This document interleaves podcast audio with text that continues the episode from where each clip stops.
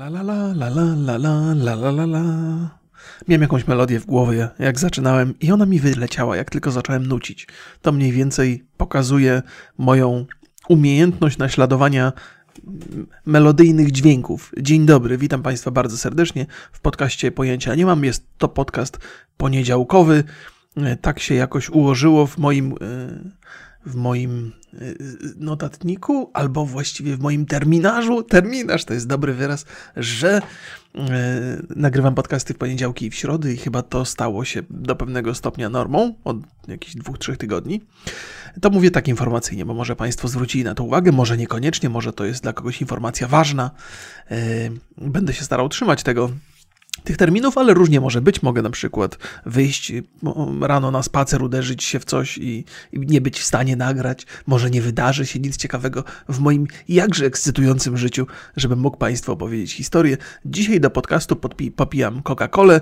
Jestem mocno przeciwny e, promowaniu żywności niezdrowej i słodkich napojów, dlatego tak między nami mówiąc jest to Cola Zero, ale robię to dlatego, że nie mogę się wyzwolić mentalnie z poziomu marudzenia, jaki osiągnęła Paulina Młynarska i Maja Staśko, krytykując matę za reklamę McDonalda.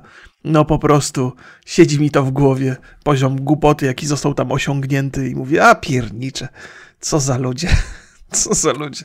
Dorzucę jeszcze cegiełki do tego marudzenia, w tym sensie, że też zacznę promować rzeczy niezdrowe, chociaż nikt mi za to nie płaci. Taki mój protest przeciwko głupocie. Słowo się rzekło popijam. Dzisiaj zamiast kawy. Chociaż gdyby tak się zastanowić, to kawa też pewnie nie uchodzi za super zdrową, więc zakładam, że też w przeszłości popełniałem grzechy tego typu. Więc pal licho. Proszę Państwa, a propos mylenia wyrazów, to ostatnio pomyliłem pokot z pokłosiem, bo oba te wyrazy znaczą coś zupełnie innego. Natomiast pomylił, zacząłem mylić te wyrazy w momencie, kiedy pojawiły się dwa polskie filmy o cierpiętniczej treści, jak najbardziej wartościowej, ale cierpiętniczej, ni mniej, ni więcej, e, czyli Pokot i Pokłosie i ja teraz jedno z drugim mylę. Może powinienem teraz sięgnąć po słownik i wytłumaczyć. Pokłosie to konsekwencje czegoś. I to w takim, w takim kontekście ostatnio chciałem to użyć, a zamiast tego powiedziałem pokot. I bez sensu. E, więc się złapałem sam na tym. Nie wiem, czy ktoś mi zwrócił uwagę. Na szczęście nie. Na Spotify nie ma komentarzy. Ale parę razy mówiłem, że trochę za tym tęsknię. Spotify wprowadza jakąś taką dziwną opcję. Yy, wprowadził jakąś taką dziwną opcję komentowania na żywo podczas nagrywania, publikowania podcastu. Nie wiem, co to jest. Może kiedyś będę miał chwilę, to sobie to wypróbuję. Na razie jeszcze nie jestem do końca pewny, jak to działa i co to ma w ogóle za znaczenie. Mm, o, właśnie, a propos Spotify'a pojawiła się opcja mm, wyświetlania powiadomień. U mnie niedawno, ja nie wiem, Spotify, wiecie, to wprowadza zmiany e, tak e, różnie i czasami ktoś może mieć do nich dostęp wcześniej, ktoś inny później. To ciekawy jest w ogóle sposób wprowadzania zmian i testowania ich na bieżąco. Tak czy inaczej jest taka zmiana, że można sobie podcasty e, w jakiś sposób, znaczy włączyć powiadomienia, że jeżeli macie podcasty dodane do ulubionych, to jeżeli jest nowy podcast, to Wam się wyświetla informacja i ja z tego korzystam. To bardzo jest pomocne i przydatne. I muszę Państwu powiedzieć, że ja też oczywiście swój podcast na Spotify obserwuję i z taką dumą patrzę, kiedy mój telefon wyświetla powiadomienie, jest nowy odcinek, pojęcia nie mam. Mówię, o kurde, cały świat widzi. Jakkolwiek absurdalne by to nie było, małe, a cieszy. Więc polecam Państwu sobie to, to włączyć. To będziecie bardziej na bieżąco, ile to w ogóle istotne. Po co być na bieżąco w internecie, jak w każdej chwili możecie sobie włączyć? Bycie na bieżąco to się skończyło, kiedy się skończyła telewizja. Czy telewizja się skończyła? No w moim mniemaniu trochę tak. Czy w Państwa mniemaniu? Może tak, może nie. Ale wie, może jakiś tam urok pozostał. Proszę Państwa, by opisać wydarzenia dnia dzisiejszego, wyszedłem rano, temperatura 2 stopnie Celsjusza, ubrałem się zatem mocno. Jak wróciłem, było już 6 stopni i było dużo cieplej, zatem przesadziłem z ubiorem. Jak się intensywnie maszeruje, to człowiek też się trochę zgrzeje i mam duży problem z ustaleniem garderoby o poranku. Zawsze jest mi albo za zimno, albo za gorąco. Od takie cierpienie dnia codziennego mnie napotyka, więc się z Państwem dzielę.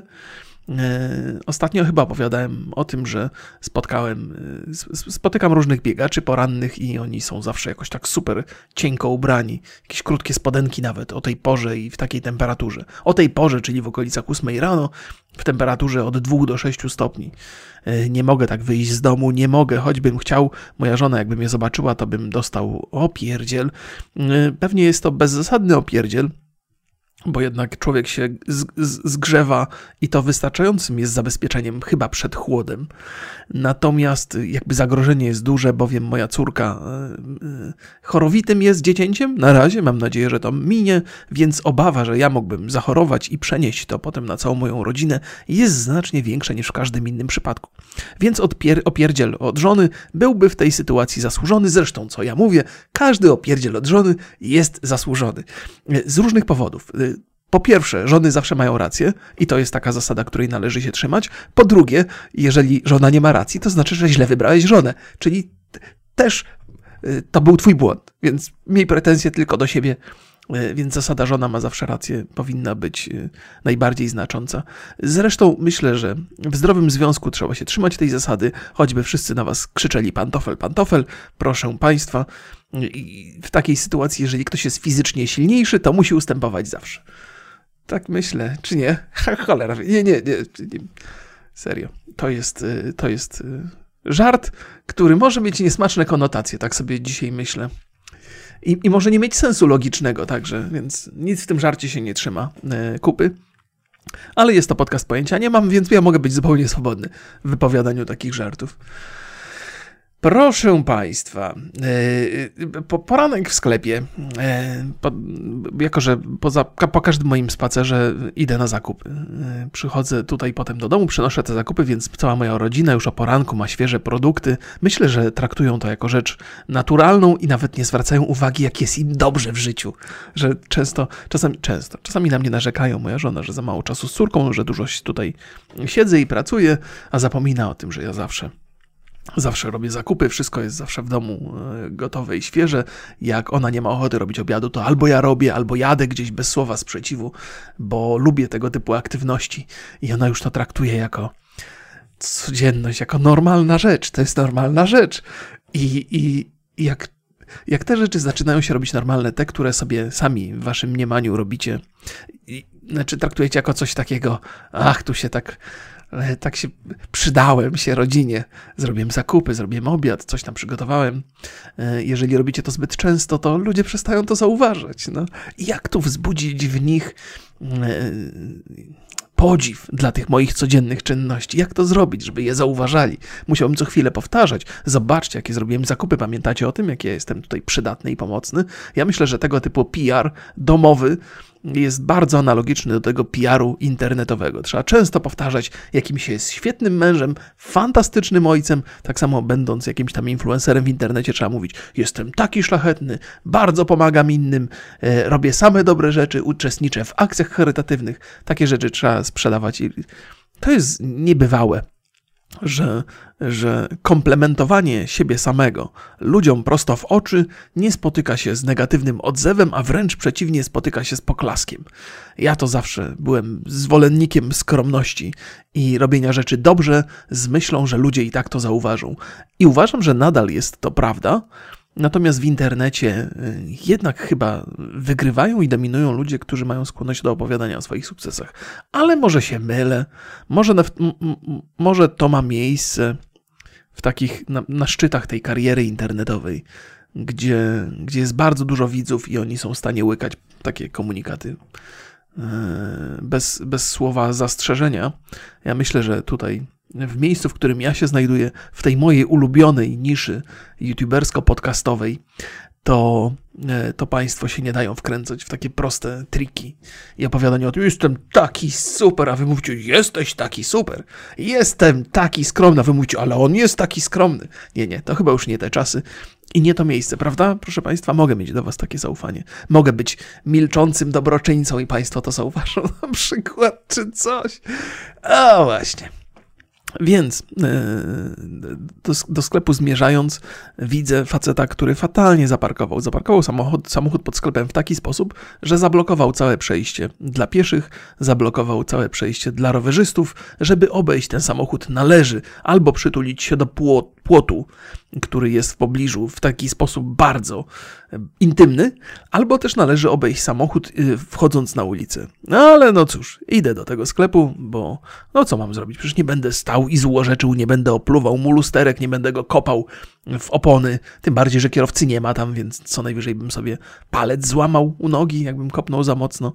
Wchodzę do sklepu i jest tam sobie jegomość taki Jegomość Maruda. Od razu widzisz, że on jest jegomościem Marudą, bo marudzi.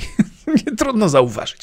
Facet, który jest pewnie po 40, trochę przed 60, trudno zdefiniować go tak do końca na 100%. Powiedziałbym średnio w okolicy 50 lat. I oczywiście co robi? Narzeka. Narzeka, że władza kradnie. Ta, co teraz przyszła, to kradnie jeszcze bardziej niż tamci poprzedni, a tamci to już kradli tak strasznie, że to wszystko jest, że to jest złe, że to jest sprzedajne, że ludzie są potworni.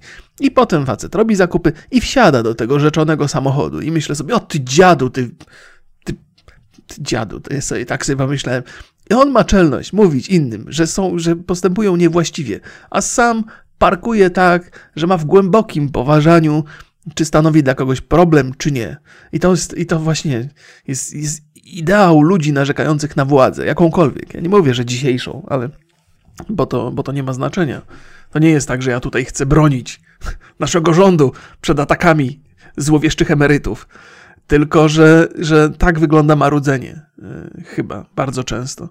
Że, jak to się mówi, że, e, że coś tam belka w oku, że, że tam coś, co drzazgę widzisz w innych, a swojej belki w swoim oku nie widzisz? tak to szło. To jest parafraza gigantyczna w moim wykonaniu. Ale, ale no, ludzie wcale nie są lepsi tak na co dzień na ulicy niż ci, którzy nami rządzą. Właśnie na tym polega problem, że władza jest zawsze przeciętną narodu i jeżeli możemy jasno pokazać palcem, że oni robią źle, to prawdopodobnie my też postępujemy w sposób taki, albo przynajmniej wiele osób, które nas otacza, postępuje w sposób taki, albo jeszcze gorszy. I tak sobie myślę, jakby ten ziomeczek, tak samochodem zostawił cały chodnik w jakiejkolwiek, w jakiejkolwiek rzeczywistości, dostał się do, do parlamentu, to on by robił jeszcze gorsze rzeczy, ale on sobie nie zdaje chyba z tego sprawy. On uważa, że on jest tym szlachetnym, tym porządnym. To tylko źle samochód zaparkował, ale poza tym jest super. Nie, nie, proszę Państwa, w takich małych, drobnych rzeczach widać naszą prawdziwość, kim jesteśmy, jacy jesteśmy, jaki mamy szacunek do innych ludzi. Zawsze mi tato powtarzał, że cokolwiek robisz, yy, no, dużo rzeczy mi powtarzał tato. Jak to by zabrzmiało? Bo to po raz kolejny będzie jakaś brutalna parafraza sensownego zdania. Trzeba żyć tak, żeby innym nie przeszkadzać w tym życiu. E, robić swoje i nie utrudniać ludziom życie. Jeżeli zostawiam samochód w jakimś miejscu, to tak, żeby ktoś inny mógł zaparkować. Ale widzicie Państwo, różne rzeczy się zdarzają, czasami nieprzyjemne, nawet jak postępujemy szlachetnie. Szlachetnie. Przypomniała mi się historia inna. Kiedyś, jak mieszkałem w blokowisku, parkingi były e, zapchane samochodami bardzo mocno. Pewnie teraz jest jeszcze gorzej, bo samochodów przybywa, a miejsc parkingowych niekoniecznie. Opowiadałem Państwu ostatnio historię o mandacie, który dostałem. Ten mandat powinien trafić do Urzędu Miasta, bo kto to w ogóle dopuścił taki projekt osiedla, gdzie totalnie nie ma miejsc parkingowych, nawet dla właściciela lokalu, jakim jestem. Nie ma tam miejsca parkingowego. Dostałem mandat e, i jeszcze nie poszedłem do, do do tych y, dżentelmenów od mandatów, do Straży Miejskiej, bo muszę to pójść i rozliczyć. Ale e, któregoś razu, jeszcze jak mieszkałem na blokowisku, wieczorem wracałem z pracy, jak prowadziłem wypożyczalnię DVD, to kończyłem o godzinie 21, 22, e, więc y, przyjeżdżałem jako ostatni na ten parking i nie było miejsca regularnie, ale jakoś tam mi się zawsze zna, zda, udawało znaleźć, więc któregoś razu zaparkowałem samochodem między dwoma innymi samochodami. Te dwa inne samochody zaparkowały w ten sposób, że i jeden stał częściowo jakby na, na, białej linii, drugi też, to krótko mówiąc, parking jest podzielony na miejsca. Czasami jest tak, że jeden samochód jest o pół parkingu przesunięty, no i w rezultacie powstaje taka nisza, która jest częściowo z, jednej, z, z jednego segmentu, częściowo z drugiego. Więc stanąłem tak mając między kołami linię dzielącą dwa parkingi. Nie było wyjścia, to po prostu wcisnąłem się między dwa samochody. Koniec, kropka, to jest właściwie nie ma co bronić takiej pozycji. Ale wstaję rano, podchodzę do mojego samochodu, a tam jakiś chujek na, na, na, nakleił mi tak naprawdę na maksa, na, na, na szybę, naucz się parkować, palancie. Coś w ten deseń mi nakleił, nie? I mówię, o ty gnoju parszywy. I to jest tak, że, że gościu, nie, wypełnia szlachetną misję na osiedlu i kara ludzi za to, bo żeby oderwać tą, to się musiałem namęczyć, żeby oderwać tą, tą, tą naklejkę, co mi zrobił. E, więc on wypełnia szlachetną misję i, i opieprza, ochrzania i karze tych ludzi, którzy krzywo zaparkowali albo w niewłaściwym miejscu, albo nie tak jak trzeba. Kompletnie pozbawiony gościu wyobraźni, że czasami stawiając samochód na parkingu, ustawiasz go tak, jak ci sąsiedzi pozwalają. Nie? Więc mamy bardzo ograniczone, bardzo ograniczone mamy postrzeganie rzeczywistości tylko do tego, co się dzieje tu i teraz, i często ludzie nie mają wyobraźni ponad to, co widzą na własne oczy. Nie, zwłaszcza ten ziomeczek nie miał wyobraźni za grosz. No taki misjonarz, kurde, parkingowy. Powinienem więcej wulgaryzmów tu użyć sobie. No, więc tak to bywa. Tak to bywa. Ale y, to, to nie broni, ta historia druga nie broni y, gościa, który zaparkował y, pod sklepem, bo rozumiem, że pod tym sklepem nie ma za dużo miejsc parkingowych, no ale jak nie ma miejsc, to się nie parkuje pod tym samochodem, zastawiając, to nie jest żadne usprawiedliwienie. O panie, panie kochany, no nie miałem gdzie zaparkować, no to nie parkuję, no trudno, przyjeżdżam kiedy indziej do tego sklepu, bo to jest mały sklepik osiedlowy, nie można zastawić parkingu. I teraz zastanawiam się, czy sobie sam nie strzelam w kolano, bo narzekam na ten parking, mm, narzekam na ten parking, którego, no właśnie narzekam na ten mandat, bo ja też źle zaparkowałem w niewłaściwym miejscu, ale to, co mnie broni w przeciwieństwie do tego faceta, który stał pod sklepem, to jest to, że ja postawiłem samochód w takim miejscu, że totalnie nikomu nie przeszkadza. Nie przeszkadza pieszym, nie przeszkadza nikomu, ani przejeżdżającym samochodom obok. Przeszkadza tylko strażnikom miejskim, najwyraźniej. Więc y, tym się bronię, że, że nadal się trzymam tej zasady, gdziekolwiek zostawiam samochód, to tak, żeby nie przeszkadzać ludziom. A poza tym nie miałem wyjścia, bo musiałem. W sensie takim, że nie ma opcji innej. Jak musisz, chcesz coś załatwić na tym osiedlu, to musisz stanąć na tym osiedlu. Nie możesz pojechać gdzie indziej, bo miasto jest rozległe. I... Nie wiem. Może sobie strzeliłem jednak w kolano. Cóż, bywa i tak, proszę Państwa. Bywa i tak. Czy mamy dzisiaj historie ze świata, poza moimi osobistymi? Mamy. Mamy, ale też mamy historie lokalne, państwowe, polskie. Ja rzadko sięgam po, po polskie y, wiadomości i ta rzadkość jest usprawiedliwiona przez jakość informacji. Proszę Państwa. Żona moja podrzuca mi od czasu do czasu takie smaczki. Smaczek nazywa się tym razem e, Cnoty niewieście czy prawo szariatu? Znak zapytania. W szkołach na Pomorzu dziewczynki mają być zmuszone do zakrywania rąk i nóg, by nie kusiły chłopców. Taki jest tytuł tego artykułu. E, jakieś chyba Afganki w tle z tymi się nazywają te nakrycia głów, y, tam zakrywających głowy, znaczy włosy totalnie. Zapomniałem w tej chwili, Państwo na pewno kojarzą. To jest artykuł na bezprawniku e, i to mi żona podrzuciła. Mm, I brzmi to oczywiście bardzo, bardzo mocno, ale zaczniemy sobie od, od aktualizacji tego, tego, te, tego tekstu. Otóż, y, albo by Państwu opisać, to jest, to jest opowieść o tym, że w szkole gdzieś tam, e, w szkole podstawowej numer 16 w Gdańsku, Władysława Broniewskiego szkole, e, się wprowadza takie ograniczenia do ubioru, ubioru dziewcząt. To jest artykuł, który został chyba pierwszy raz napisany e, na Gazecie Wyborczej, ale oczywiście zdementowany absolutnie przez władze szkoły i że to nie ma nic wspólnego z rzeczywistością. Czyli krótko mówiąc, artykuł o tym, że dziewczyny muszą szczelnie zakrywać swoje ciało, bowiem kuszą nauczycieli i kolegów, jest wyssany z palca. E, ale został w ten sposób przedstawiony w internecie i żadne sprostowanie tego nie zmieni. Do dzisiaj ten artykuł wisi pod takim tytułem. I myślę sobie tak, okej, okay, okej. Okay. Można mieć takie przypuszczenie, że nasze państwo zmierza w takim, w takim kierunku katolickiego islamu patologicznego. Można mieć takie przypuszczenie.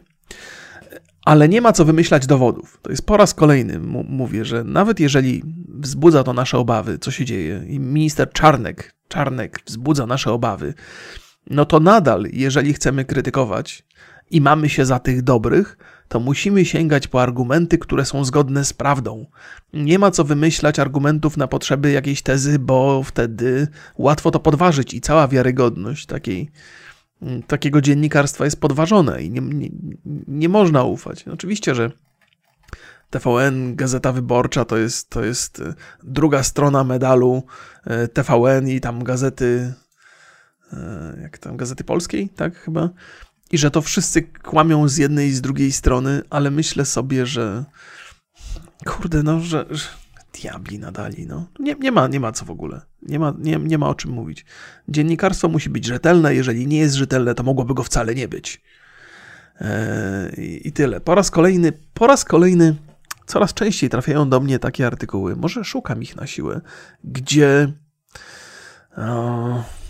strona konfliktu, mm, która teoretycznie postrzega naszą dobrą przyszłość tak jak, ja, tak jak ja ją postrzegam. To wstyd się do tego przyznać, ale mam jakby w obliczu tego, co pokazuję ostatnio, ale mam wrażenie, że wizja tego, jak powinna rzeczywistość wyglądać, prezentowana być może przez wyborczą i przez TVN jest mi bliższa niż ta wizja rzeczywistości prezentowana przez TVP. Natomiast no nie mogę się pod tym podpisać, bo ilość kłamstw i manipulacji zaprezentowanych przez TVN i Gazetę Wyborczą przekracza normy zdrowego, rozsądnego człowieka. No. ja się zastanawiam, czy tam, czy w tych mediach nie mamy do czynienia z jakimś sabotażem że ktoś specjalnie robi takie gówno newsy, żeby podważyć wiarygodność tych, tych, e, tych, tych mediów. No nie wiem. Nie wiem, bo, bo e, dlaczego mówię sabotaż, bo to tak brzmi bardzo poważnie. Bo nie mogę uwierzyć, że ktoś, kto ma dobre intencje, sięga po takie metody. To, to nie ma opcji. Jeżeli ktoś miałby dobre intencje, próbowałby te intencje wprowadzać, nie wiem, szlachetnymi, rzetelnymi sposobami. Jeżeli, no bo no, no nie można tego, nie, nie, można swojego niewłaściwego postępowania usprawiedliwiać tym, że po drugiej stronie też kłamią, to ja też będę kłamał. To tak nie, nie powinno tak działać, a może tak działa. Może tak działa rzeczywistość, kurde. Może, może jedyny sposób na to, by e, kłamstwu się przeciwstawić, to inne kłamstwa, ale nie wydaje mi się. Nie wydaje mi się. Nie wydaje mi się, bo to jest, to jest taka broń, która obosieczna jest i przy okazji mm, pełna pokusy. To znaczy, jeżeli kłamstwo i brak rzetelności przynosi mi jakieś sukcesy, to jaki mam powód, by postępować rzetelnie i mówić prawdę? No, łatwiej, kłamstwa są łatwiejsze. Dużo łatwiej jest coś wymyślić i napisać jakąś bzdurę, niż zrobić research, wykonać jakąś pracę, przygotować się rzetelnie, sprawdzić różne źródła. To wymaga wysiłku. Więc jeżeli można nakłamać i szybciej się efekt osiągnie, to po co pracować rzetelnie? Znaczy, rozumie, rozumiecie, to nie jest tak, że ja tutaj kłamstwa bronię i mówię, że tak, postępujmy. Nie. Mówię, że to jest pułapka. I jeżeli ludzie, którzy się podają za szlachetnych, posługują się tymi metodami, to nie są szlachetni już dzisiaj i nie będą szlachetni w przyszłości. Nie można im ufać od początku do końca. No. I oczywiście teraz się zastanawiam, czy mówiąc, że wizja rzeczywistości Gazety Wyborczej i, i TVN-u jest mi bliższa, czy nie nadużyłem, jakby, czy sam siebie nie urażam e, w ten sposób mówiąc. No ale no, no, chyba to jest zgodne z prawdą, aczkolwiek metody są skrajnie niefajne. Nie wiem, nie wiem. Nie wiem, gdzie tu w ogóle stanąć e, w tej, w tej walce. On, on o, o wizję naszej rzeczywistości, o tym, o to, jak powinien wyglądać świat. No. Nie wiem, gdzie ja jestem w ogóle w tym miejscu. Swoje poglądy postrzegam jako konserwatywne, ale lubię też taką tą, tą liberalną wizję przyszłości, jakąś wolność wyboru i nie wiem sam. Nie wiem, stoję w rozkroku. Chyba przez to, chyba z tego to wynika, że, że E, że ta polaryzacja jest taka duża i nie ma miejsca, żeby gdzieś się znaleźć pomiędzy tego, tego wszystkiego. E, sprowadzenie państwa do systemu dwupartyjnego w Stanach Zjednoczonych zdaje się działać sensownie. Ale konflikty międzyludzkie, jakie na bazie tego powstają, są trudne do przetrawienia. Bardzo. I niestety, postępując w ten sposób i myśląc w ten sposób, e, stanowisz e, problem i dla jednej, i dla drugiej strony. Jedna i druga strona traci zrozumienie dla Twoich poglądów i szacunek dla Twojej osoby. Nie? To jest, jest niestety w obu, w obu tych obozach panuje zasada, że jeżeli nie jesteś z nami, to jesteś przeciwko nam. I nie wiadomo, co z tym można zrobić. Pogadamy sobie dzisiaj trochę, opowiem Państwu różne rzeczy związane z Facebookiem.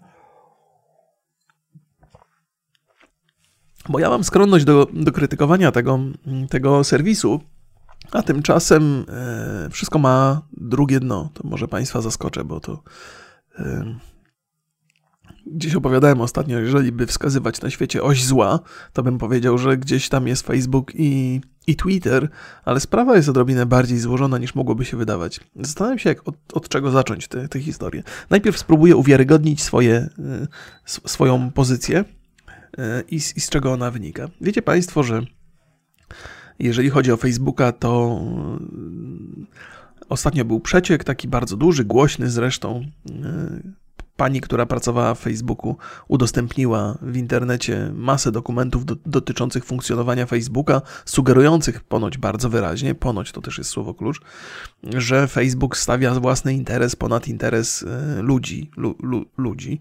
I to jest jedna teza do przedyskutowania. I oczywiście ja nie czytam tych dokumentów, które wyciekły, bo to trzeba, to jest to trzeba by mieć dodatkowe 24 godziny w dobie, żeby to robić. Natomiast staram się śledzić raporty Ostatnio taki dosyć długi raport przeczytałem w Wall Street Journal na temat tego Facebooka i muszę przyznać, że coś mi zaczęło świtać w głowie i moje negatywne podejście do Facebooka trochę przyblakło. O tym też Państwu opowiem. BBC trochę wraca do sprawy samobójstwa, które w 2017 roku popełniła 14-latka. Samobójstwa, które wynikało z depresji i, i z, tym, z tego, że i to chyba właściwie było w oparciu o Instagramy, że Instagram podsyłał jej takie informacje, które e, w depresji nie pomagały, ale wręcz szkodziły coraz bardziej, aż do tego stopnia, że popełniła samobójstwo. I to jest coś, co w samym Facebooku też e, bardzo było dużym wydarzeniem i reakcja na to wydarzenie Facebooka dzisiaj jest też przyczynkiem tego, tego wycieku. E, I, i, i, I to, jak Facebook zareagował, oceniamy to dzisiaj. Ale Sprawa jest trochę bardziej złożona i trochę trudniejsza. Po pierwsze, trzeba brać pod uwagę, że depresje się zdarzają i samobójstwa w wyniku depresji też się zdarzają. Zważywszy na to, jak duży dostęp e, Facebook ma do ludzi i Instagram, praktycznie każdy ma albo Facebook, albo Instagram, albo na zmianę. Nieliczni się od tego trzymają z daleka, e, ale gdzieś tam z reguły to towarzyszy nam bardzo mocno. No to szansa, że ktoś, kto ma depresję i popełnia samobójstwo albo próbę samobójczą podejmuje, że, że ta osoba miała Facebooka albo Instagrama jest bardzo duża. Natomiast znaleźć ten związek przyczynowo-skutkowy między przeglądaniem Instagrama a samym aktem samobójstwa to jest dosyć karkołomne zajęcie i powiedziałbym, że ciężko do tego dojść, zwłaszcza jeżeli próba samobójcza była skuteczna, no bo możesz tylko gdybać i przeglądać historię przeglądania e, i wyciągać stamtąd wnioski, więc to jakby Sama informacja, że ktoś popełnił samobójstwo z powodu przeglądania Instagrama jest średnio wiarygodna, ale przyjmijmy sobie. Należy zakładać, że, że jakiś związek to ma. No i, i, przeglądając ten raport, który jakby z samobójstwem nie ma wspólnego, akurat ten artykuł, który czytałem, ten raport, który czytałem, nie ma nic wspólnego z tym konkretnym przypadkiem, ale spróbujmy sobie połączyć parę, parę rzeczy i pogadać trochę o tym. Otóż, proszę Państwa, hmm, Facebook, y, mimo całego zła, które ze sobą niesie, znajduje się w niezwykle trudnej sytuacji. Powiadałem wcześniej o tym, że ta cała polaryzacja powoduje, że mamy dwa fronty, które się ze sobą ścierają. I teraz wyobraźcie sobie, jak wygląda sytuacja w Facebooku. Otóż, e, jeżeli chodzi o, o mm, taką, nazwijmy to, to jest trudna do wskazania definicja, ale niech to będzie kolejne słowo klucz, nie?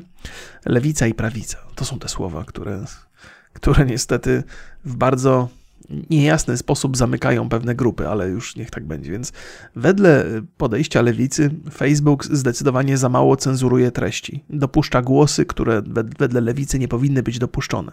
Więc jest bardzo silna presja ze strony lewicy na Facebooka, by mocniej ograniczać treści, które w mniemaniu e, środowisk lewicowych są krzywdzące, niebezpieczne. Z drugiej strony mamy do czynienia z, z grupą tej samej wielkości, która uważa, że Facebook cenzuruje za dużo i jest bardzo, i, i ta druga strona wywiera silną presję na Facebooka, żeby cenzurował mniej, żeby nie wyrzucał tych materiałów, żeby pozwolił na pewną wolność. Więc zdarzają się ze sobą te dwa fronty, Nazwijmy i te fronty młotem i kowadłem, a po środku jest Facebook, który dostaje po łbie z jednej i z drugiej strony, czegokolwiek by nie zrobił. W którą stronę by się nie przesunął, to, to drugiej na, na, następuje na odcisk i nie ma jak się bronić przed tym. Zupełnie nie ma. Jakby niezależnie od tego, czy, mnie ma, czy, czy, czy facebookowe intencje są dobre czy złe, to tam nie ma wyjścia z tej sytuacji. To znaczy zawsze będą niezadowoleni. Yy, I z reguły są niezadowoleni i z jednej, i z drugiej strony. I jedni i drudzy są niezadowoleni z działalności Facebooka.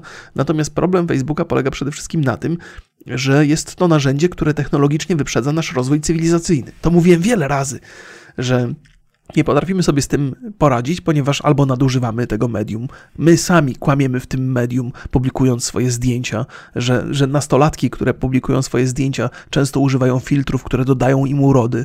Te zdjęcia wpływają na inne nastolatki, które się źle z tym czują, mają depresję i tak dalej, i tak dalej.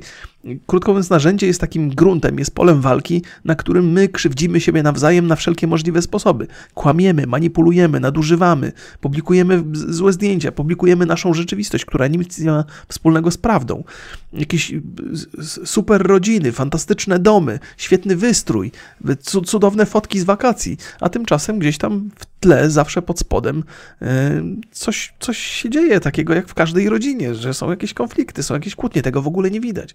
Więc przedstawiamy wyidealizowany świat. Sami tego, tego, tego Facebooka tworzymy. Tworzymy jakąś złudę rzeczywistości, może na własne potrzeby, może żeby komuś zaimponować. I to oczywiście rozciąga się na całą masę różnych zdjęć, bo ja tutaj mówię o, o urodzie i naszym cudownym życiu, które przedstawiamy w określony sposób, ale to, się, to, się, to, to sięga znacznie dalej. Jakichś pewnych rzeczy nienawidzimy, pewnych, pewnym rzeczom jesteśmy niechętni. Przesuwamy granicę prawdy bardzo, bardzo mocno. Właściwie to przesuwamy granicę kłamstwa, bo nic tam w internecie praktycznie nie można udowodnić, tak na pierwszy rzut oka. Więc to, to jest to, o, czy, o czym mówię wiele razy, że ta technologia, że, że nie jesteśmy gotowi na tą technologię, którą mamy. Z drugiej strony przychodzą algorytmy, które są mimo tego, że bardzo złożone, to jednak niezwykle prostolinijne. Jeżeli takie są sytuacje, i to jest jeden z przykładów z tego raportu, który czytałem, że jeżeli masz problemy z nadwagą, to jest wielka szansa, znaczy jest, jest ogromne prawdopodobieństwo, że i Facebook, i Instagram, i te wszystkie serwisy będą ci podrzucały e, reklamy fast foodów, niezdrowego jedzenia, że będziesz tym zasypywany. Jeżeli jesz niezdrowo, to będziesz dostawał masę informacji o niezdrowym żarciu.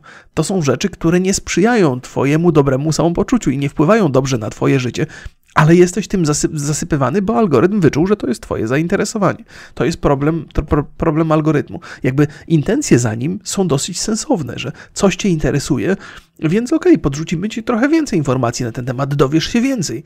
To jest narzędzie, które ma szlachetne przesłanki w tym, w tym znaczeniu. Oczywiście My ludzie nie jesteśmy gotowi na to, by nam podrzucano informacje, bo, bo nie potrafimy ich filtrować i dostajemy całą masę rzeczy, które powodują, że czujemy się ze sobą gorzej e, albo postępujemy gorzej z własnym życiem. Więc to jest problem grubasa. Polega na tym, że dostaje grubasowe reklamy. Z drugiej strony problem osób, które mają e, problemy z wagą, ale z, z, z, na przykład mają jakieś anoreksje, mają jakieś choroby, e, odchudzają się w sposób chorobliwy i niezdrowy, dostają informacje o dietach, o sposobach odchudzania się, dostają informacje o, e, o jakichś o, Boże, o osobach na przykład na Instagramie albo na Facebooku, o kontach, gdzie promuje się zdrowe odżywianie i, i wygląd sylwetki, który już zdrowy nie jest. Nie? Czyli e, bardzo często jest tak, że ludzie dostają to, co wzbudza ich zainteresowanie, to, co jest bliskie ich życiu, natomiast często to, co jest bliskie naszemu życiu,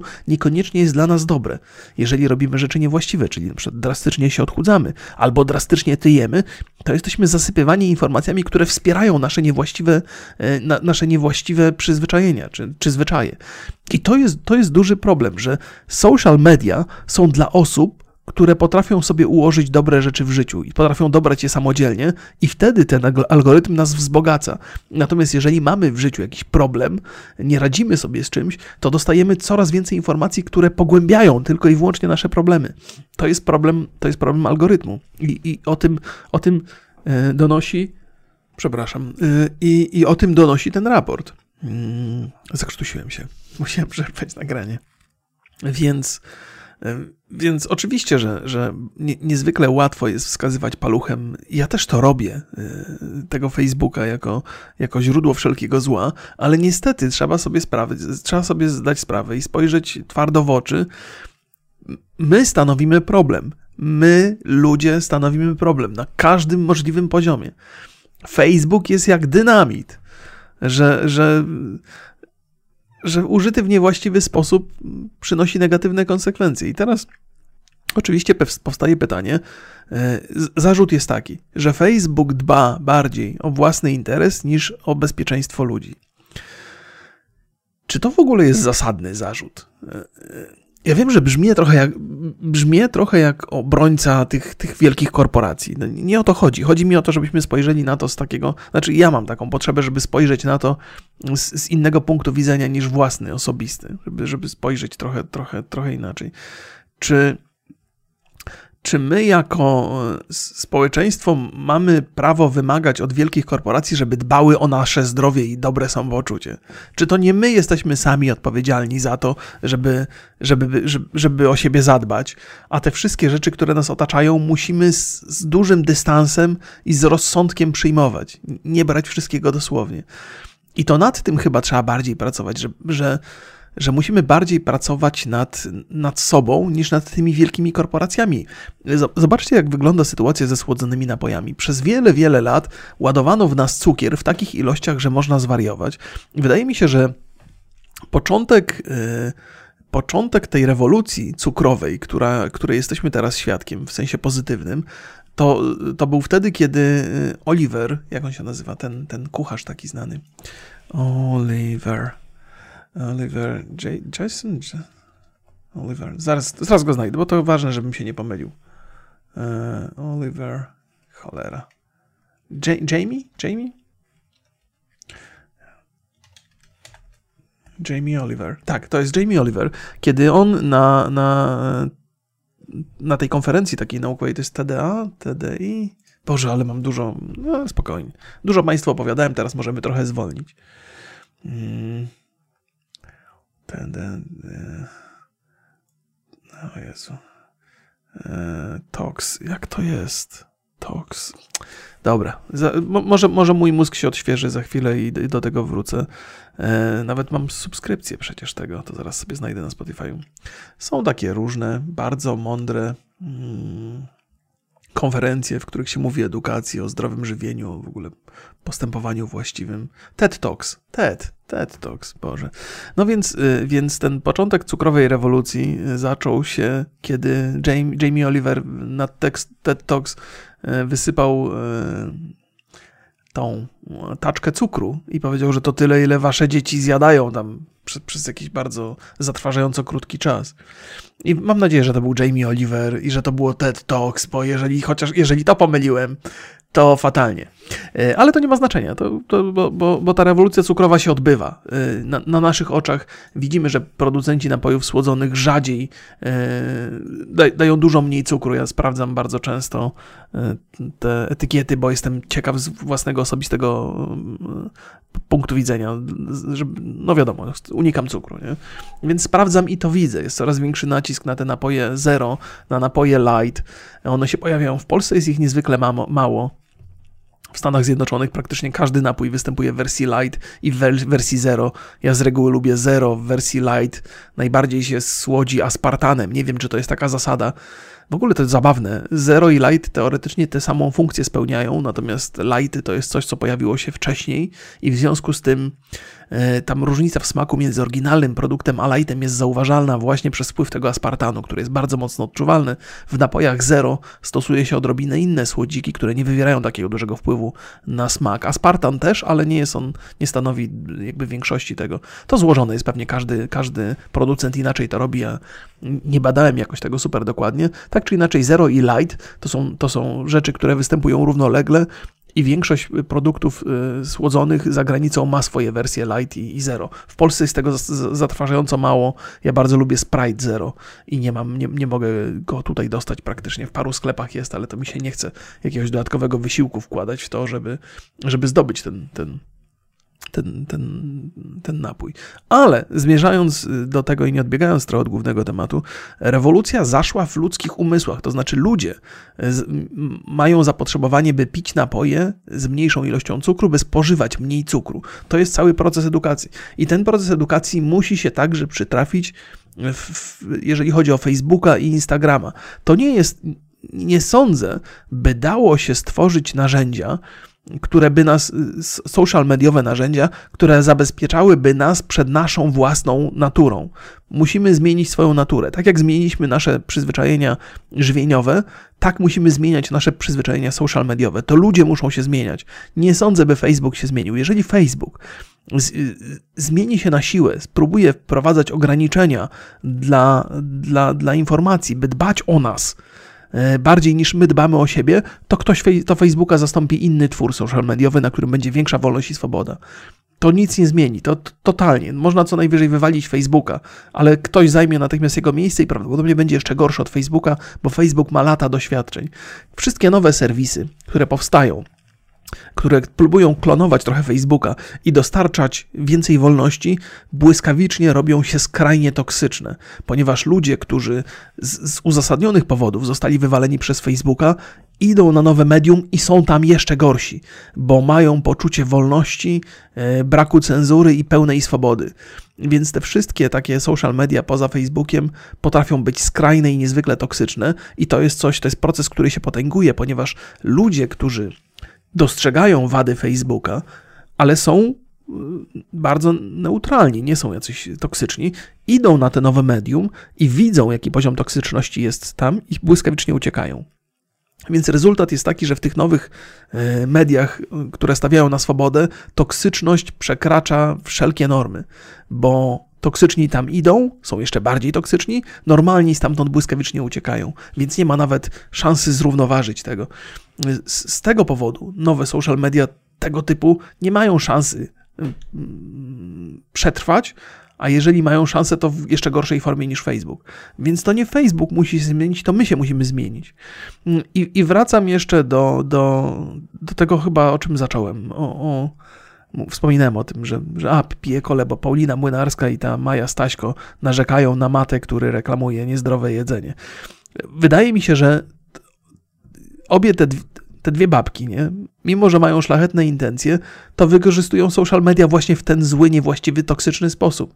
Że, że wiem, że to brzmi w ich mniemaniu to w ogóle brzmi szkaradnie to, co ja mówię, ale, ale prawda jest taka, że wykorzystują social media, by atakować kogoś, kto myśli inaczej, by atakować kogoś, kto w ich mniemaniu krzywdzi dzieci. Tymczasem jest, jest jakby masa argumentów za tym, że ludzie nieważne czy, czy coś jest zdrowe, czy jest niezdrowe, jeżeli mają na to ochotę, to po to sięgną. I żaden Mata, żaden McDonald nie, nie ma na to żadnego wpływu, nie? To co mamy zrobić dzisiaj? To nie o to chodzi właśnie, żeby, żeby zmienić te instytucje. Co będziemy kazali McDonaldowi oferować burgery w sałacie, albo w ogóle sałatę w sałacie, w sensie burgery wegańskie. Jest jakieś szaleństwo. W niewłaściwe miejsca w ogóle się uderza. uderza. I teoretycznie, kiedy Mata promuje McDonalda, to promuje niezdrowy tryb życia, więc robi krok wstecz, jeżeli chodzi o poprawną edukację społeczeństwa w kwestii tego, co jest zdrowe, co jest niezdrowe, bo o tym mówimy, że społeczeństwo musi się zmieniać. Ale nie jesteśmy idiotami, to nie o to chodzi, że, że McDonald's jest zły. Tu chodzi o to, żebyśmy my jako społeczeństwo mieli inne potrzeby. E, I, i, kiedy kupujemy napoje bez cukru, no to ludzie sprzedają napoje bez cukru, bo to się bardziej opłaca. Kiedy sięgamy po burgery, nie wiem, wegańskie, no to więcej będzie tych wegańskich burgerów, bo to się opłaca. I to my zmienimy ten świat. To nie o to chodzi, żeby, żeby, żeby nie promować wszystkiego, co jest, e, co jest co może być wątpliwe, co może być złe. Trzeba o tym rozmawiać, trzeba, trzeba zmieniać ludzi. E, I to, to przede wszystkim. Nie wiem, czy się, nie wiem, czy się, nie wiem, czy dobrze robię, czepiając się tam tych, tych, tych, e, właśnie tej młynarskiej Staśko za, za, za te ataki na matę, ale wydaje mi się, że nie tak świat powinien działać. Że to jest zły pomysł i skutek jest odwrotny do zamierzonego. To to chciałem powiedzieć, że szlachetne intencje nie usprawiedliwiają głupich komunikatów. A to jest właśnie mm, to jest, to jest właśnie to, co się dzieje. Opowiem Państwu moje podejście do. Mm, jeżeli dzieje się w internecie coś, co mi się nie podoba, to z reguły. Yy, z reguły nie podejmuję walki, bo mi się nie chce, ja nie mam skłonności do bycia re rewolucjonistą i do zmieniania świata, ale czasami, czasami coś tam powiem, ale, ale robię to w zupełnie inny sposób. Jeżeli była patologia na YouTubie, to ja nigdy nie atakowałem bezpośrednio twórców, którzy uskuteczniali te patologie. Na żadnym moim materiale nie znajdziecie takiego ataku, natomiast bardzo często w dosyć delikatny sposób wyśmiewałem ludzi, którzy oglądają te rzeczy. E, ironizowałem, używałem sarkazmu nie po to, bo to jest tak, jeżeli zaatakujecie kogoś, albo zaatakujecie coś, co jest bliskie ludziom, ludzie chcą być wyznawcami na przykład Maty albo McDonalda, jeżeli zaatakujecie to, to miejsce, to, to, ten, ten, jakby to, ten główny kręgosłup tej, nazwijmy to religii, tej religii, to poniesiecie porażkę, bo ludzie się będą tylko i wyłącznie przeciwstawiać, niezależnie od tego, jak dużo mądrych i rozsądnych rzeczy powiecie. E, więc od tej strony się nie podchodzi do, do, do, do walki, bo to, bo to się tylko idzie na wojnę i nikt tam nie wygrywa, tylko wszyscy się pokrwawią albo coś. Trzeba delikatnie kąsać, gdzieś tam z zewnątrz trochę sięgać, ośmieszać odrobinę te rzeczy, nie nazywać ich wprost czymś złym, bo każdy z nas, każdy użytkownik, nawet te dzieciaki oglądające pato streamerów, lubią myśleć o tym, że postępują szlachetnie, że z jednej strony to jest rozrywka, ale może, może ten pato streamer się zmieni, że będziemy go wspierać, że jemu tak było ciężko, tam było dużo takich głosów broniących trochę tych pato streamerów ze strony młodzieży. Ale trzeba ich trochę właśnie tak, tak, e, tak delikatnie podchodzić. Tak, żeby, żeby czuli śmieszność tego, żeby trochę zaczęli sami się z siebie śmiać, żeby trochę zaczęli nabierać dystansu do tego.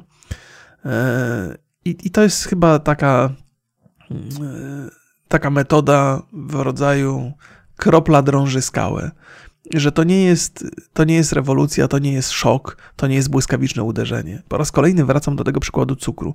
Może przesadzam, może ta zmiana nie jest tak pozytywna, jak mi się wydaje. W moim mniemaniu jest, ale może nie jest, no, pal licho. Że to jest zmiana, która nie została wprowadzona w sposób brutalny i gwałtowny, że dzisiaj zabraniamy wam korzystać z cukru i nie korzystajcie, e, bo ludzie by się zbulwersowali, to by, to, to, by, to by doprowadziło do takiej sytuacji jak e, nie wiem, jak prohibicja, nie? Że, że to nie działa, że, że, że trzeba to robić małymi, delikatny, delikatnymi krokami, tak żeby ludzie uwierzyli w tę ideę i wtedy oni ją wspierają sami. To zaczyna przypominać kulę śnieżną, która się toczy, toczy to coraz bardziej i, i, i akurat dobrze w tym przypadku, nie? Bo nabiera pozytywnego, pozytywnego rozpędu. No, e, więc tak. Tak to jest. Czy więc, czy, czyżbym dzisiaj był obrońcą Facebooka? Trochę chyba tak. Niechcąco chyba być może nawet. Nie no, specjalnie. No, chodzi mi o to, że, że e, też będę tutaj opowiadał takie frazesy, nie? Ale nie ma rzeczy oczywistych i prostych w tak złożonym zagadnieniu jak społeczeństwo i to, co jest dla społeczeństwa dobre, dla społeczeństwa dobre i, dla, i co jest dla społeczeństwa złe.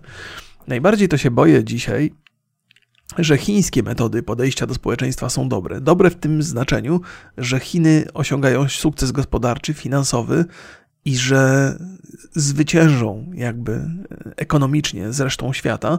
Natomiast mam obawy, że ich podejście do obywatela to nie jest świat, w jakim ja chciałbym żyć, albo żeby żyły moje dzieci. i zwycięstwo w tym starciu. No więc o, wspominałem tylko trochę o tym i też teraz nie będę jakoś dużo opowiadał, że, że chiński rząd ma silne zapotrzebowanie na regulowanie tego, co robi chińska młodzież. Potwornie, bo już mają pełne, pełne mają, pełną kontrolę mają nad tym, co robią ludzie dorośli, ile pracują, jak pracują. Wspominałem o tym na, na podcaście z Borysem, że w Chinach jest taki system pracy 996, czyli od 9 rano do 9 wieczorem, 6 dni w tygodniu. E, ja nie wiem, czy państwo chcieliby w takim systemie funkcjonować, ale niewątpliwie jest to system skuteczny, który przynosi jakiś pozytywny skutek dla państwa. Państwa, przez państwo mam na myśli kraj. To jest. Czasami sukces kraju nie jest dowodem na sukces ludzi, którzy w nim żyją, albo na szczęście ludzi, którzy w nim żyją. Chiny to chyba pokazują dobitnie. Więc jako, że już mają pełną kontrolę nad, nad życiem przynajmniej tej klasy robotniczej, bo nie wiem jak tam wyglądają struktury tych, tych najbogatszych, też są pewnie mocno, mocno są pilnowani. I no, właściwie trochę wiem, bo tam są różne historie na temat ludzi, którzy osiągnęli władzę dzięki bogactwu, a potem powiedzieli coś przeciwko partii i nagle znikają w niewyjaśnionych okolicznościach. Albo znikają na 6 tygodni potem wracają już skromni i mili, mówią, że partia to jednak wie co dobre dla narodu. Więc e, tam jest, jest pełna kontrola nad, nad, e, nad klasami, wszelkimi. No ale kontrola nad młodzieżą jest czymś do pewnego stopnia problematycznym, bo E, najpierw młodzież za dużo siedzi w komputerach, w internecie i za dużo ogląda e, za dużo ogląda social mediów, więc zakażmy im korzystania z gier online, z, z, z, gier mobilnych. Można to zrobić, są do tego odpowiednie narzędzia. No ale teraz młodzież ma za dużo czasu. No to trzeba zorganizować instytucje, które zajmą się zagospodarowaniem czasu młodzieży poza lekcjami, bo rodzice tego nie mogą zrobić. Oczywiście powinni, no ale jak mają to zrobić, jak pracują od 9 do 9? No, nie mogą tego zrobić, więc trzeba wymyślić jakieś. I to jest.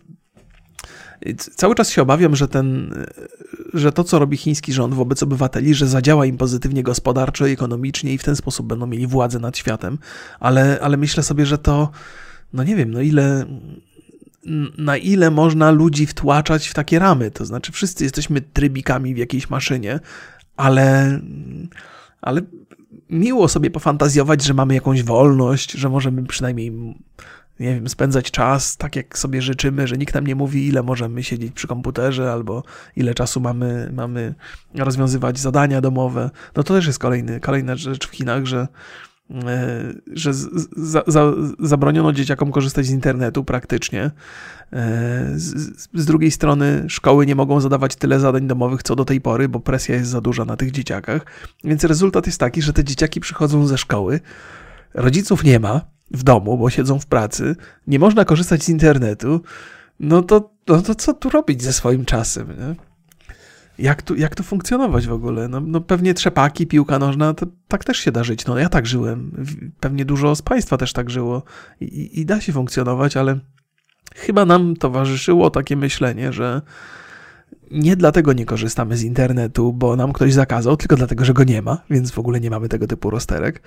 Wychodzimy na podwórko, ponieważ w telewizji nie ma rozrywek, nie ma co robić, więc spędzamy czas. Tam natomiast jest takie, takie wrażenie, musi być w tej młodzieży takie wrażenie, że, że są fajne rzeczy, które mogliby i chcieliby robić, ale nie mają do nich dostępu. Ktoś im zakazuje. Jest ta, ta jest to poczucie tresury, dużo silniejsze niż tutaj u nas w świecie zachodnim. To, to, ta tresura w świecie zachodnim też ma miejsce, ale jest ona robiona w sposób taki bardzo delikatnie, tak? Trochę jesteśmy nieświadomi tego. No może ja też przesadzam mówiąc o tej tresurze. Może, może, może poczucie wolności, którą mamy tutaj, nie jest, może nie jest takie fałszywe. E, jakby opowiadając te rzeczy, bardzo mi zależy na tym, by jasno pokazać, że nie ma we mnie tej naiwności co do swobód, jakie mamy. Jakby rozumiem ramy społeczne, rozumiem nasze ograniczenia i rozumiem, że wiele wolności jest pozornych i rozrywka jest y, także po to, żeby nas trochę uspokoić, żebyśmy za, za bardzo się nie buntowali przed, przed rzeczywistością. Ja, ja to wszystko rozumiem, ale jednak myślę, że można sobie, że żyjemy w świecie, który można tak zbudować, by mieć poczucie tej wolności, by robić to, co się chce, robić tak, jak się chce i mówić to, co się chce.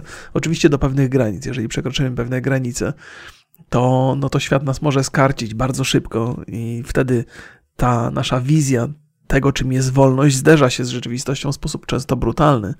I też trzeba być świadomym, że niezależnie od tego, jaki świat sobie człowiek zbuduje, to w każdej chwili może ktoś przyjść i wam to zabrać.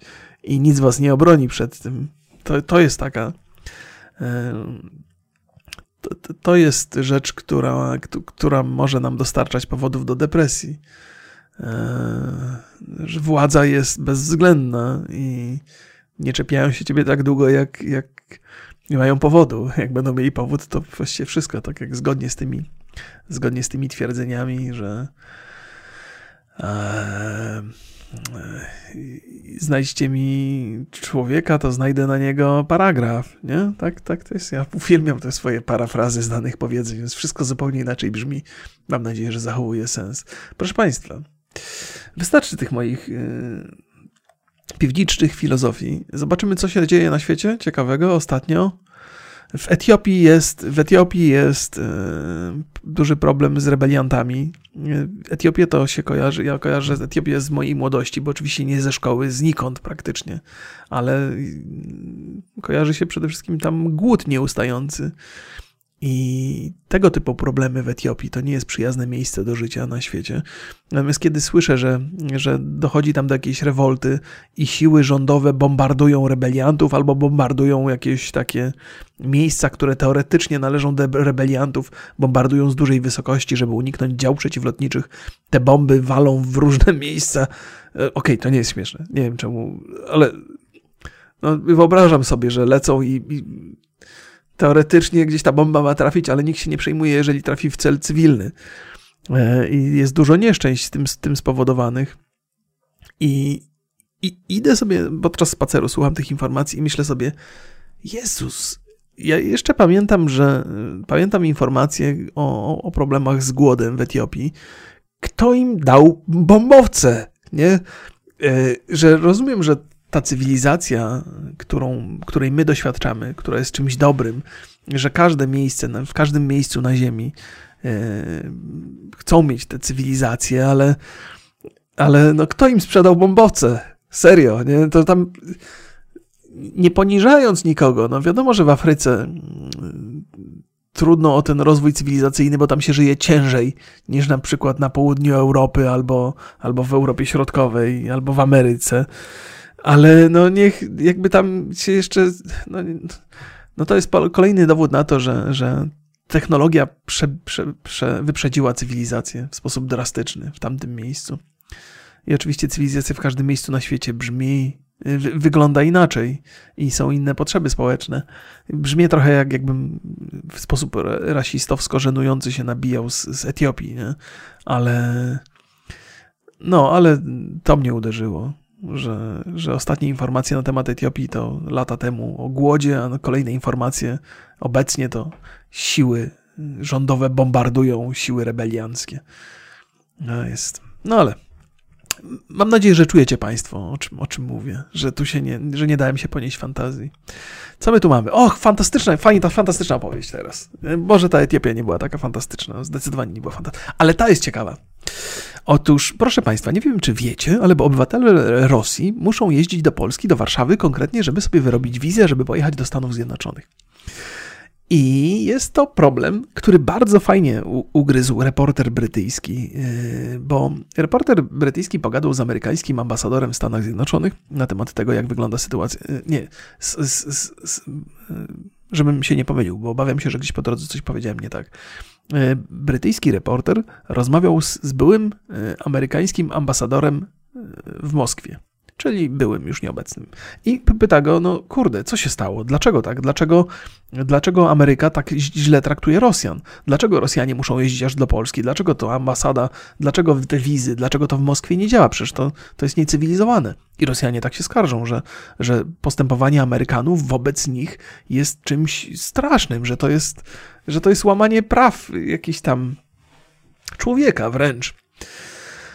No i ten ambasador mówi tak, no ale zaraz, przecież to nie, nie problem, problem nie polega na tym, że Amerykanie nie chcą dawać tych wiz, tylko problem polega na tym, że Putin zabronił e, Amerykanom e, zatrudniać Rosjan do pracy.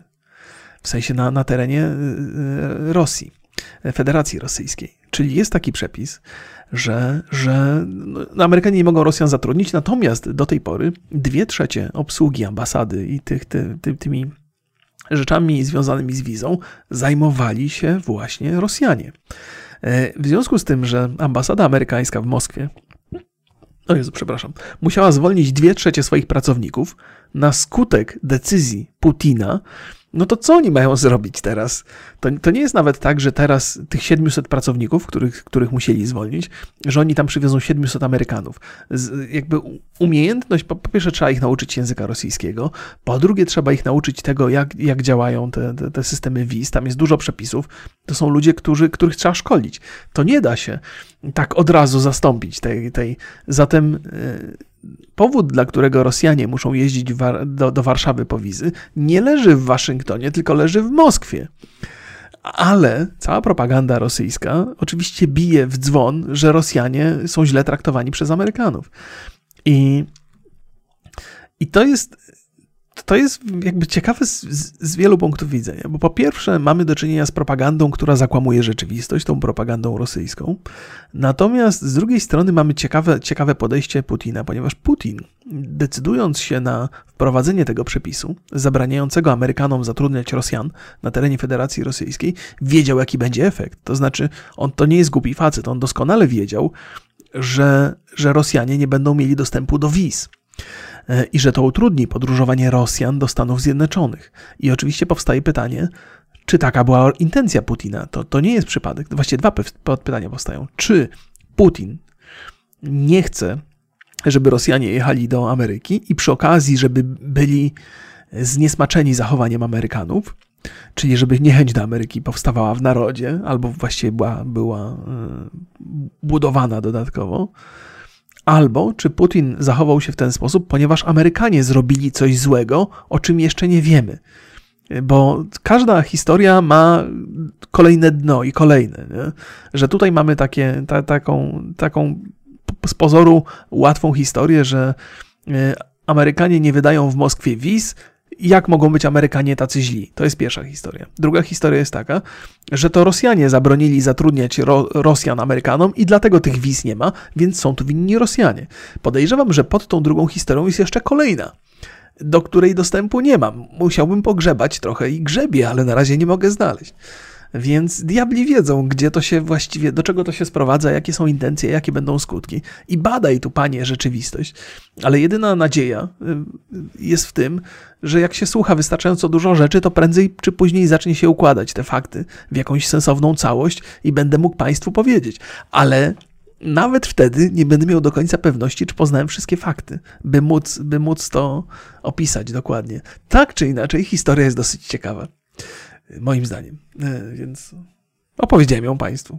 Co my tu mamy? Rzecz, którą słuchałem tylko mm, tak mm, powierzchownie, ponieważ cały czas zastanawiałem się nad, nad, nad problemami Rosji Otóż e, wiecie Państwo, że w związku ze zmianami klimatycznymi te najbogatsze państwa muszą wprowadzać zmiany w kwestii gospodarki energetycznej, to ładnie powiedziane, i tego i zanieczyszczeń, jakie są, jakie się dostają do, do atmosfery. E, trzeba przekonać także te biedniejsze państwa, żeby też ograniczyło mm, tych, tych e, ograniczało emisję zanieczyszczeń do środowiska i to jest proces, który jest niezwykle trudny. I problem pojawia się taki, że te bogate państwa nie chcą za bardzo inwestować w to, bo czemu oni mają teraz płacić, e, bo zanieczyszczenia są także z innych miejsc. E, to jest pierwsza rzecz. E, druga sprawa, to wiecie, my mamy dobrze, więc pocałujcie się w dupę. Czemu mamy ponosić konsekwencje tego, że, że się źle dzieje na, na, na ziemi? Więc trzeba, wszyscy musieliby naraz zmienić to, a są państwa bogatsze, biedniejsze, są różne argumenty za i przeciw, więc to jest złożony problem.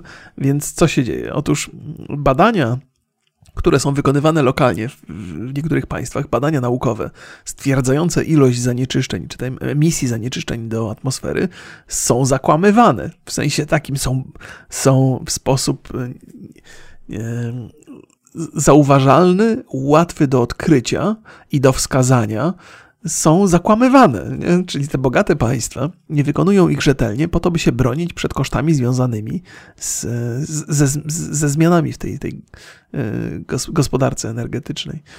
E, I to jest, to, jest, to jest niesamowite, jak przypominam sobie Gretę Thunberg, Thunberg ona się nazywa, tak się mawia, e, tą aktywistkę skandynawską, to jest w ogóle fantastyczne wystąpienie. How dare you, how dare you. I to jest rzecz, z której możemy się śmiać.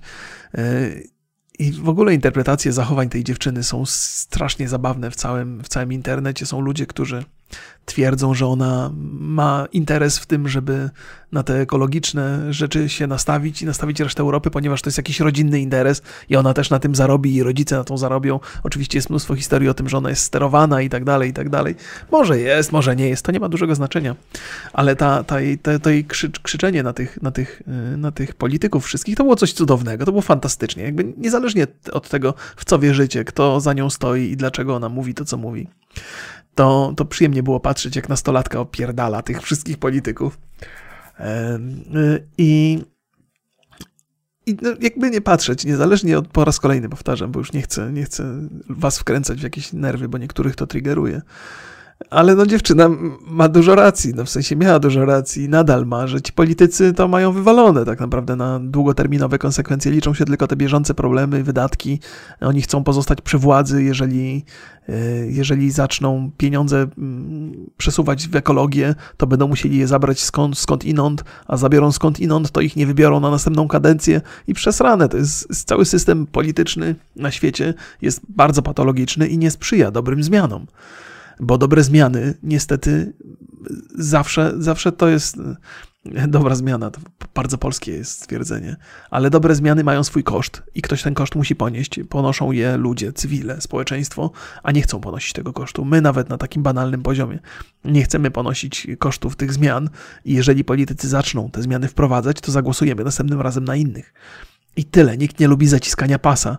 I, I, na tym polega patologia tego systemu, że nie tylko mało kogo stać na to, by wprowadzać dobre zmiany, ale jak go stać, to też nie chce tego robić, bo, bo to jest samobójstwo polityczne. Nie? No i jak tu żyć? Jak tu żyć, proszę Państwa? Jak zmieniać świat? Powoli, na spokojnie. A teraz chyba już jest za późno, powoli, na spokojnie, nie? No to co będą? Katastrofy pogodowe, katastrofy, e, katastrofy klimatyczne i no i świat nas, y, znaczy sami się załatwimy, no.